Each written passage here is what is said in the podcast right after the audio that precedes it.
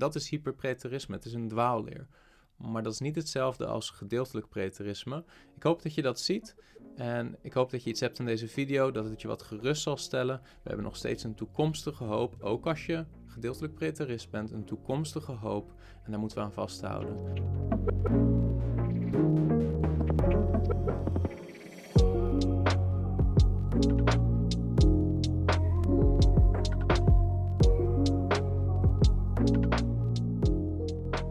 Allemaal. In mijn recente video's heb ik het preteristisch of gedeeltelijk preteristisch perspectief op de olijfbergreden van de Heer Jezus wat besproken. En ook het preteristisch perspectief op het boek Openbaring van de apostel Johannes besproken. En ik kreeg verschillende reacties van jullie. Uh, velen vonden het leerzaam. Maar voor anderen was het ook heel verwarrend. En vragen kwamen naar mij toe als: uh, hoe zit dat als een deel van de Nieuwtestamentische profetieën al vervuld is in de eerste eeuw? En betrekking had op de vernietiging van Jeruzalem uh, en de gebeurtenissen daaromheen. Wat ligt er dan precies nog in de toekomst? En geloof je dan niet bijvoorbeeld nog in een letterlijke lichamelijke wederkomst van Jezus? En sommige van jullie waarschuwden me zelfs uh, voor de dwaalleer van preterisme. En in deze video wil ik daar eigenlijk wat dieper op ingaan en stilstaan bij het onderscheid tussen preterisme enerzijds en hyperpreterisme anderzijds. En laten zien waarom de ene positie slechts een eschatologisch perspectief is en de andere positie wel degelijk een afwijkende dwaalleer is. Even terugkomend op het onderwerp. Wat is ook alweer preterisme? Preterisme is een bepaalde visie op eschatologie en specifiek op nieuwtestamentische profetieën. Preter is een Latijns woord wat betekent verleden. En uh, preterisme is het perspectief dat nieuwtestamentische profetieën voor een deel vervuld zijn in de eerste eeuw. En dan gaat het bijvoorbeeld om de profetieën van de Heer Jezus in de Olijfbergreden. Uh, of de profetieën van de apostel Johannes in het boek Openbaring, die voor de schrijver wel degelijk nog in de toekomst lagen, hè, of voor de Heer Jezus op het moment dat hij de Olijfbergreden uitsprak nog in de toekomst lagen, maar die voor ons als lezers van de schrift 2000 jaar nadat het opgeschreven is, in het verre verleden al vervuld zijn, namelijk in de eerste eeuw. En je hebt eigenlijk twee soorten preterisme. Uh, gedeeltelijk preterisme, oftewel in het Engels partial preterism, betekent dat een deel van de Nieuwtestamentische profetieën reeds vervuld zijn in de eerste eeuw. En dan gaat het met name om de vernietiging van Jeruzalem en de vernietiging van de tempel in het jaar 70 na Christus. Uh, er zijn wel meer gebeurtenissen geweest in de jaren van 60 na Christus tot 70 na Christus en daarna uh, heel veel belangrijke gebeurtenissen. De dood van de apostel Paulus uh, onder Nero waarschijnlijk, de dood van um, Petrus onder Nero, een enorme vervolging van de gemeente, zo'n 42 maanden lang tussen het jaar 64 en 68 na Christus. Vervolgens ook de Joodse oorlog, waarbij Rome met haar legers Jeruzalem omringt en in het jaar 70 na Christus ook de hele stad uh, kapot maakt. Na een periode van ook ongeveer 42 maanden. Nou goed, gedeeltelijk preterisme zegt eigenlijk die gebeurtenissen zijn de vervulling van een belangrijk deel van in elk geval het boek Openbaring en de Olijfbergreden. Waarbij de visie van de gedeeltelijk preterist is dat net zoals Matthäus, Marcus en Lucas de Olijfbergreden hebben als een profetisch stuk dat het evangelie van Johannes eigenlijk de profetische elementen in het boek Openbaring heeft gelegd. Want je ziet in het boek, in het evangelie van Johannes geen olijfbergreden terugkomen. Dus je zou kunnen zeggen, het boek Openbaring is Johannes zijn olijfbergreden. Dat is de visie van preterisme. Maar gedeeltelijk preterisme zegt een aantal van de gebeurtenissen in het boek Openbaring, van de profetieën uh, in de olijfbergreden, zijn vervuld in de eerste eeuw, maar niet allemaal. Niet allemaal. Volledig preterisme daarentegen zegt, en dat, die positie noem je ook wel in het Engels full preterism, maar ik noem die positie, en zo wordt die ook wel genoemd door velen met mij, hyperpreterisme. Met andere woorden, het is preterisme, maar het gaat te ver. Het is een vorm van preterisme waarbij je zegt: alle nieuwtestamentische profetieën zijn reeds vervuld. Het hele boek Openbaring is in de eerste eeuw vervuld. De hele Olijfbergrede is in de eerste eeuw vervuld. Er zijn geen profetieën meer die voor ons nog in de toekomst liggen. En dat, dat is dwaalleer. En ik zal je uitleggen waarom. Allereerst ontkent hyperpreterisme een toekomstige persoonlijke wederkomst van Jezus. Nu, het is wel degelijk zo dat ook gedeeltelijk preterisme zegt dat wanneer Jezus bijvoorbeeld zijn komst aankondigt in de context van het oordeel over Jeruzalem in de Olijfbergreden, dat dat wel degelijk in het jaar 70 na Christus vervuld is, maar dat dat niet zozeer de letterlijke wederkomst van Jezus was, maar dat dat een oordeelsaankondigende komst was. Nou, later zal ik je laten zien dat daar wel meer gevallen van te noemen zijn, maar hyperpreterisme ontkent dat er überhaupt nog een toekomstige persoonlijke wederkomst van Jezus is. Zij zeggen, die wederkomst in het jaar 70 na Christus, dat, dat is de wederkomst. Dat is niet alleen maar een oordeelsaankondiging, of tenminste, de hele wederkomst van Jezus is vervuld in het jaar 70 na Christus. Er komt geen wederkomst uh, in de toekomst. Nou, dat is een dwaalleer. Ik zal je laten zien waarom. Handelingen 1, vers 9 tot 11. Daar lezen we over de ten hemelvaring van de Heer Jezus. Er staat, en nadat hij dit gezegd had, werd hij opgenomen. Dat gaat over de Heer Jezus. Terwijl zij het zagen, dat zijn zijn discipelen, en een wolk onttrok hem aan hun ogen. En toen zij, terwijl hij van hem wegging, hun ogen naar de hemel gericht hielden, zie, twee mannen stonden bij hen in witte kleding, die ook zeiden: Galileese mannen, waarom staat u omhoog te kijken naar de hemel? Deze Jezus, die van u opgenomen is naar de hemel, zal op dezelfde wijze terugkomen als u hem naar de hemel hebt zien gaan. Nu, dit, dit pleit voor een toekomstige, lichamelijke, letterlijke, persoonlijke wederkomst van de Heer Jezus. Niet een soort oordeelsaankondiging die vervuld wordt in het jaar 70 na Christus, maar een lichamelijke, persoonlijke wederkomst van Christus. Zoals die omhoog is gegaan als persoon, als lichamelijk mens, als letterlijk mens, zo zal die ook weer neerdalen.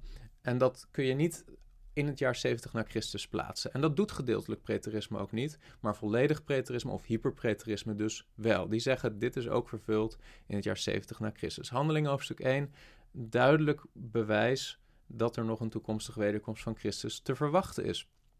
1 Thessalonicense 4, vers 13 tot 18. Daar zegt Paulus, maar ik wil niet, broeders, dat u onwetend bent ten aanzien van hen die ontslapen zijn, opdat u niet bedroefd bent zoals ook de anderen die geen hoop hebben. Want als we geloven dat Jezus gestorven en opgestaan is, zal ook God op dezelfde wijze hen die in Jezus ontslapen zijn, terugbrengen met hem. Dus Paulus troost de gemeente te Thessalonica met de hoop op de lichamelijke opstanding van de doden. Vers 15, want dit zeggen wij u met een woord van de Heere, dat wij die levend zullen overblijven tot de komst van de Heere, de ontslapene beslist niet zullen voorgaan, want de Heere zelf zal met een geroep, met de stem van een aartsengel en met een bazuin van God neerdalen uit de hemel, en de doden in Christus, de doden die in Christus zijn, zullen eerst opstaan. Daarna zullen wij, de levenden die overgebleven zijn, samen met hen opgenomen worden in de wolken naar een ontmoeting met de Heere in de lucht. En zo zullen wij voor altijd bij de Heere zijn. Zo dan troost elkaar met deze woorden. Ook dit gaat heel duidelijk over een persoonlijke, letterlijke wederkomst van de Heer Jezus Christus, waarbij vervolgens de doden lichamelijk zullen opstaan om eeuwig bij Christus te zijn. Dit kun je niet in een soort oordeel in het jaar 70 na Christus over Jeruzalem uh, plaatsen. Dat, dat gaat te ver. Dat is ook niet iets wat gedeeltelijk preteristen doen, maar hyperpreterisme doet dat wel. En dus is er geen verwachting meer op een toekomstige lichamelijke wederkomst van Christus. En dat brengt ons bij het volgende probleem, namelijk hyperpreterisme ontkent een toekomstige lichamelijke opstanding van de doden. Nu, het is heel duidelijk dat de schrift onderwijst, bijvoorbeeld in 1 Korinthe hoofdstuk 15, dat er een lichamelijke opstanding van de doden zal zijn op het moment dat de Heer Jezus wederkomt. Er staat in 1 Korinthe 15 vanaf vers 22, uh, want zoals allen in Adam sterven, zo zullen ook in Christus allen levend gemaakt worden, ieder echter in zijn eigen orde. Christus als eersteling, daarna wie van Christus zijn, let op, bij zijn komst, bij te parousia autou, bij zijn verschijning, bij zijn komst. De context van 1 Korinthe hoofdstuk 15 is de lichamelijke wederopstanding van de doden.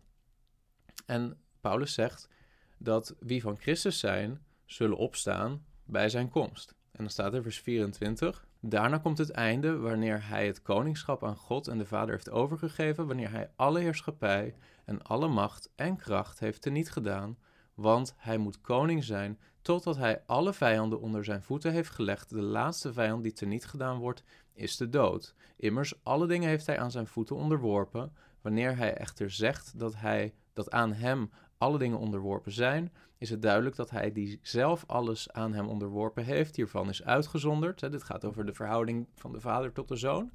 Vers 28, en wanneer alle dingen aan de zoon onderworpen zijn, aan hem onderworpen zijn, dan zal ook de zoon zelf zich onderwerpen aan hem, de vader, die alle dingen aan hem, de zoon, onderworpen heeft, opdat God alles in alles zal zijn. Dus wat onderwijst Paulus in zijn toekomstperspectief?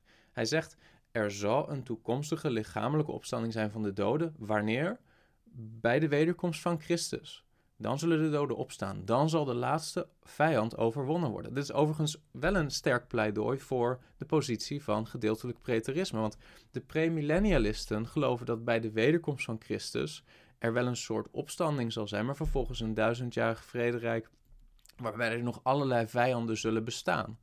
Maar dat is wel wat tegenstrijdig met wat hier staat. Er staat hier dat bij de komst van de Heer Jezus de doden zullen opstaan en de laatste vijand, de dood, daarmee overwonnen is. Niet dat er daarna nog allemaal vijanden overwonnen moeten gaan worden. Maar los daarvan, dat is niet het onderwerp van vandaag. Het punt is wel dat hyperpreteristen als het ware zeggen, ook dit is al vervuld in het jaar 70 na Christus. Er heeft al een soort opstanding plaatsgevonden, maar dat vergeestelijken ze. En dus is er in die eschatologie helemaal geen hoop meer op een toekomstige lichamelijke opstanding van de doden. Dat is allemaal vergeestelijkt. En om die reden ook is dit dwaalleer. Dit ontkent een van de basale uh, doctrines van het christelijk geloof, namelijk een toekomstige lichamelijke opstanding van de doden. Dat is het tweede probleem. Derde probleem. Hyperpreterisme ontkent het voortbestaan van de duivel. Omdat ze geloven dat het hele boek Openbaring al vervuld is in de eerste eeuw, geloven ze dus ook dat de duivel al in de pool des vuurs is geworpen. Openbaring 20, vers 7 tot 10. Daar lezen we. En wanneer die duizend jaar tot een einde gekomen zijn, gaat over het Giliasme of het millennium, duizendjarig vrederijk, zal de Satan uit zijn gevangenis worden losgelaten en hij zal uitgaan om de volken te misleiden die zich in de vier hoeken van de aarde bevinden, Gog en Magog, om hen te verzamelen voor de oorlog. En hun aantal is als het zand van de zee. En ze kwamen op over de breedte van de aarde en omsingelden de legerplaats van de heiligen en de geliefde stad, maar er daalde vuur van God neer uit de hemel en dat verslond hen. En de duivel die hen misleidde werd in de poel van het vuur en zwavel geworpen, de poel van vuur en zwavel geworpen, waar ook het beest en de valse profeet reeds zijn. En zij zullen dag en nacht gepijnigd worden in alle eeuwigheid. Nu, gedeeltelijk preterisme is postmillennialistisch. Dat wil zeggen, gedeeltelijk preteristen geloven dat het duizendjarig vrederijk niet letterlijk duizend jaar is, maar dat het een symbolische uh, lange periode is. Die duizend jaar staat voor een lange periode. Wel degelijk een letterlijke, aardse lange periode, maar het is in effect gaat het om de kerkgeschiedenis. Het gaat om het koninkrijk van God wat groeit over heel de aarde geleidelijk over een lange periode. En die lange periode wordt beschreven in het boek Openbaring. Er is een, er is een gedeelte van het boek Openbaring waarvan de Heer Jezus aangeeft: dit zal spoedig gebeuren. Maar er is ook een, duidelijk, een duidelijke pauze in het boek Openbaring als het gaat om dat duizendjarig vrederijk. Een lange periode die zal aanbreken nadat een deel van die gebeurtenissen, zoals de, de, het werpen van het beest en de valse profeet in de poel des vuurs, dan zal er duizend jaar zijn waarin de Satan gebonden is en preteristen geloven, eh, of in elk geval gedeeltelijk preteristen geloven dat ehm, die periode staat voor de kerkgeschiedenis, waarin het koninkrijk van God geleidelijk meer ruimte krijgt om over de hele aarde te verspreiden. De gemeente wordt niet langer onderdrukt na het jaar 70 na Christus door als het ware de ongelovige Joden die nog vasthielden in het oude verbond, wat eigenlijk al niet meer valide was. Uh, na de vernietiging van Jeruzalem, na de vernietiging van de tempel, is heel duidelijk: het gaat om de gemeente van God. Het gaat om de gemeente van Jezus Christus, bestaande uit Jood en Heiden. Het gaat om Jezus Christus en het evangelie van Jezus Christus. Niet om die oud-testamentische tempeldienst, offerdienst, hoge priesterschap, etc. Al die dingen zijn vervuld in Christus Jezus. En er breekt na het jaar 70 na Christus een periode aan waarin als het ware heel duidelijk is geworden: het gaat om het evangelie van Jezus Christus. En het koninkrijk van God verspreidt zich geleidelijk aan over de wereld. Dus met andere woorden, het duizendjarige vrederijk in een gedeeltelijk preteristisch perspectief, dat is eigenlijk gewoon de kerkgeschiedenisperiode. Um, maar volledig preterisme onderwijst dat die duizend jaar, dat dat eigenlijk al vervuld is in de eerste eeuw. Dan zou je zeggen, hoe dan? Ik weet ook niet hoe dan, maar dat is wel wat zij geloven. En dat betekent dus dat ze ook geloven wat daarna gebeurt, dus de duivel die hen misleiden, die in de poel van zwavel en vuur wordt geworpen, dat ook dat al vervuld is. Dus de duivel heeft eigenlijk is niet meer relevant in hun wereldbeeld sinds het jaar 70 na Christus. Volgens preteristen is er geen duivel meer. Nou, dat is dwaalleer, gaat in tegen eigenlijk wat christenen altijd geloofd hebben vanaf de vroegste geloofsbelijdenissen. En wat we ook, denk ik, uh, vandaag de dag totaal niet zien in de wereld, dat de duivel inactief zou zijn of niet meer bezig zou zijn. Uh, ik denk dat dat duidelijk dwaalleer is. Dus dat is het derde punt. Hyperpreterisme ontkent het voortbestaan van de duivel. Een vierde punt. Hyperpreterisme ontkent een toekomstig laatste oordeel met een eeuwige toestand daarna. We lezen in Openbaring 20, vers 11 tot 15.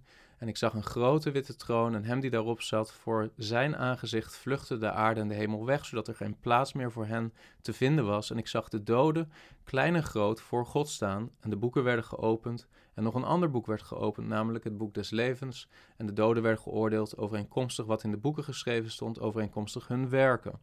En de zee gaf de doden die in haar waren. En ook de dood en het rijk van de dood gaven de doden die in hen waren. En ze werden geoordeeld, ieder overeenkomstig zijn werken. En de dood en het rijk van de dood werden in de poel van vuur geworpen. Dit is de tweede dood. Als iemand niet bleek ingeschreven te zijn in het boek des levens, werd hij in de poel van vuur geworpen. Het is heel duidelijk dat hier in Openbaring 20, vers 11 tot 15 het laatste oordeel beschreven wordt, wat we ook in het hele Nieuwe Testament keer op keer terug zien komen. Aankondigingen van het laatste oordeel waarbij de Heer Jezus Christus alle mensen voor zich zal verzamelen en hen zal oordelen. Dat wordt hier beschreven. Hyperpreteristen die zeggen dat is al symbolisch vervuld in het jaar 70 na Christus. En dat is dwaalleer. Dan, dan is er geen laatste oordeel meer in de toekomst.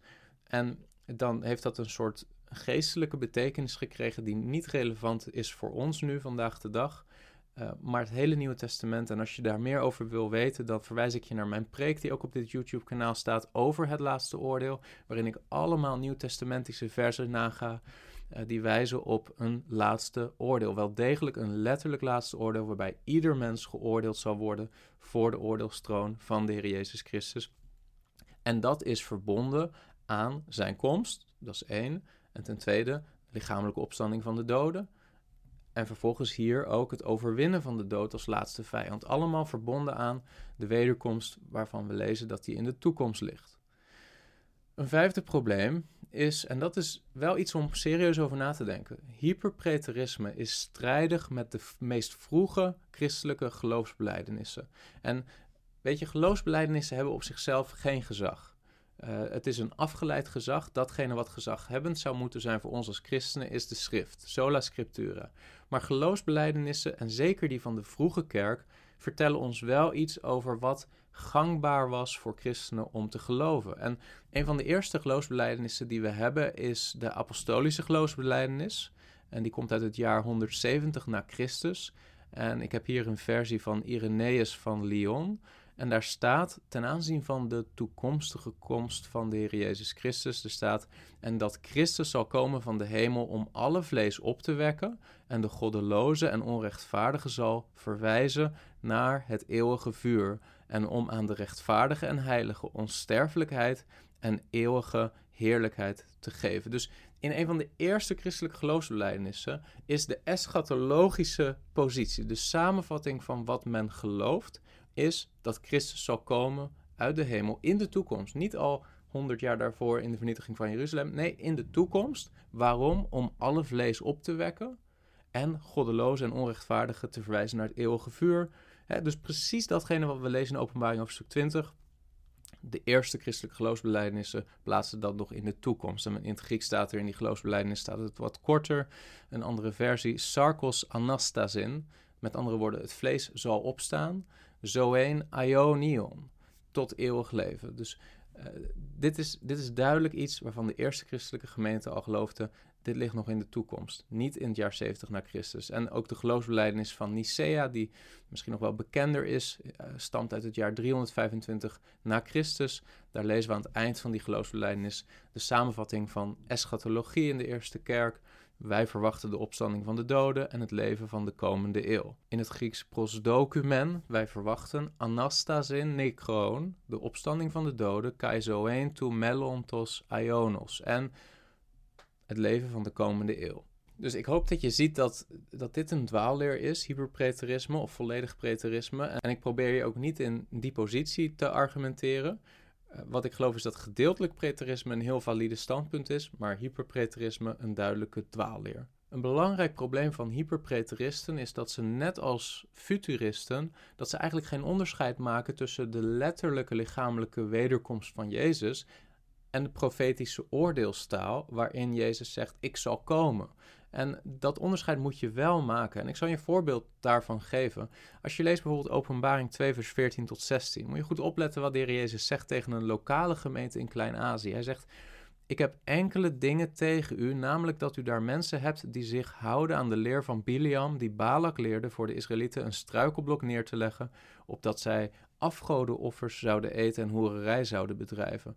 Zo hebt u er ook die zich houden aan de leer van de Nicolaïten, en dat haat ik. Vers 16, let goed op. Bekeer u, en zo niet, dan kom ik spoedig bij u en zal ik tegen hen oorlog voeren met het zwaard van mijn mond. Zie, je hoe de Heer Jezus spreekt? Bekeer je, als je niet bekeert, dan kom ik spoedig bij u.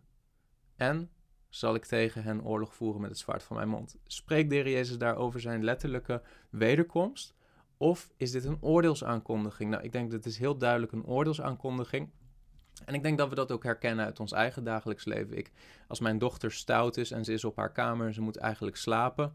En ik hoor dat ze dat niet aan het doen is, dan zeg ik ook wel eens: uh, Pas op, anders kom ik. En dan weet zij: Oh, als, als mijn vader komt, dan krijg ik straf. Of dan volgt er oordeel. En dan is dat een waarschuwing. Nou, op dezelfde manier spreekt de Heer Jezus soms en zegt: Ik zal komen waarmee hij bedoelt te zeggen: Ik zal komen om te oordelen en ik waarschuw jullie bij deze. Nou, dat zien we in het Oude Testament ook, hebben we in eerdere video's naar gekeken. En dat betekent niet dat dat gaat over de wederkomst van Christus, maar die twee moet je onderscheiden: oordeelsaankondigingen in profetische taal en de letterlijke lichamelijke wederkomst van Christus, die maar één keer in de geschiedenis zal plaatsvinden, namelijk aan het einde, net voor de overgang naar de eeuwige toestand.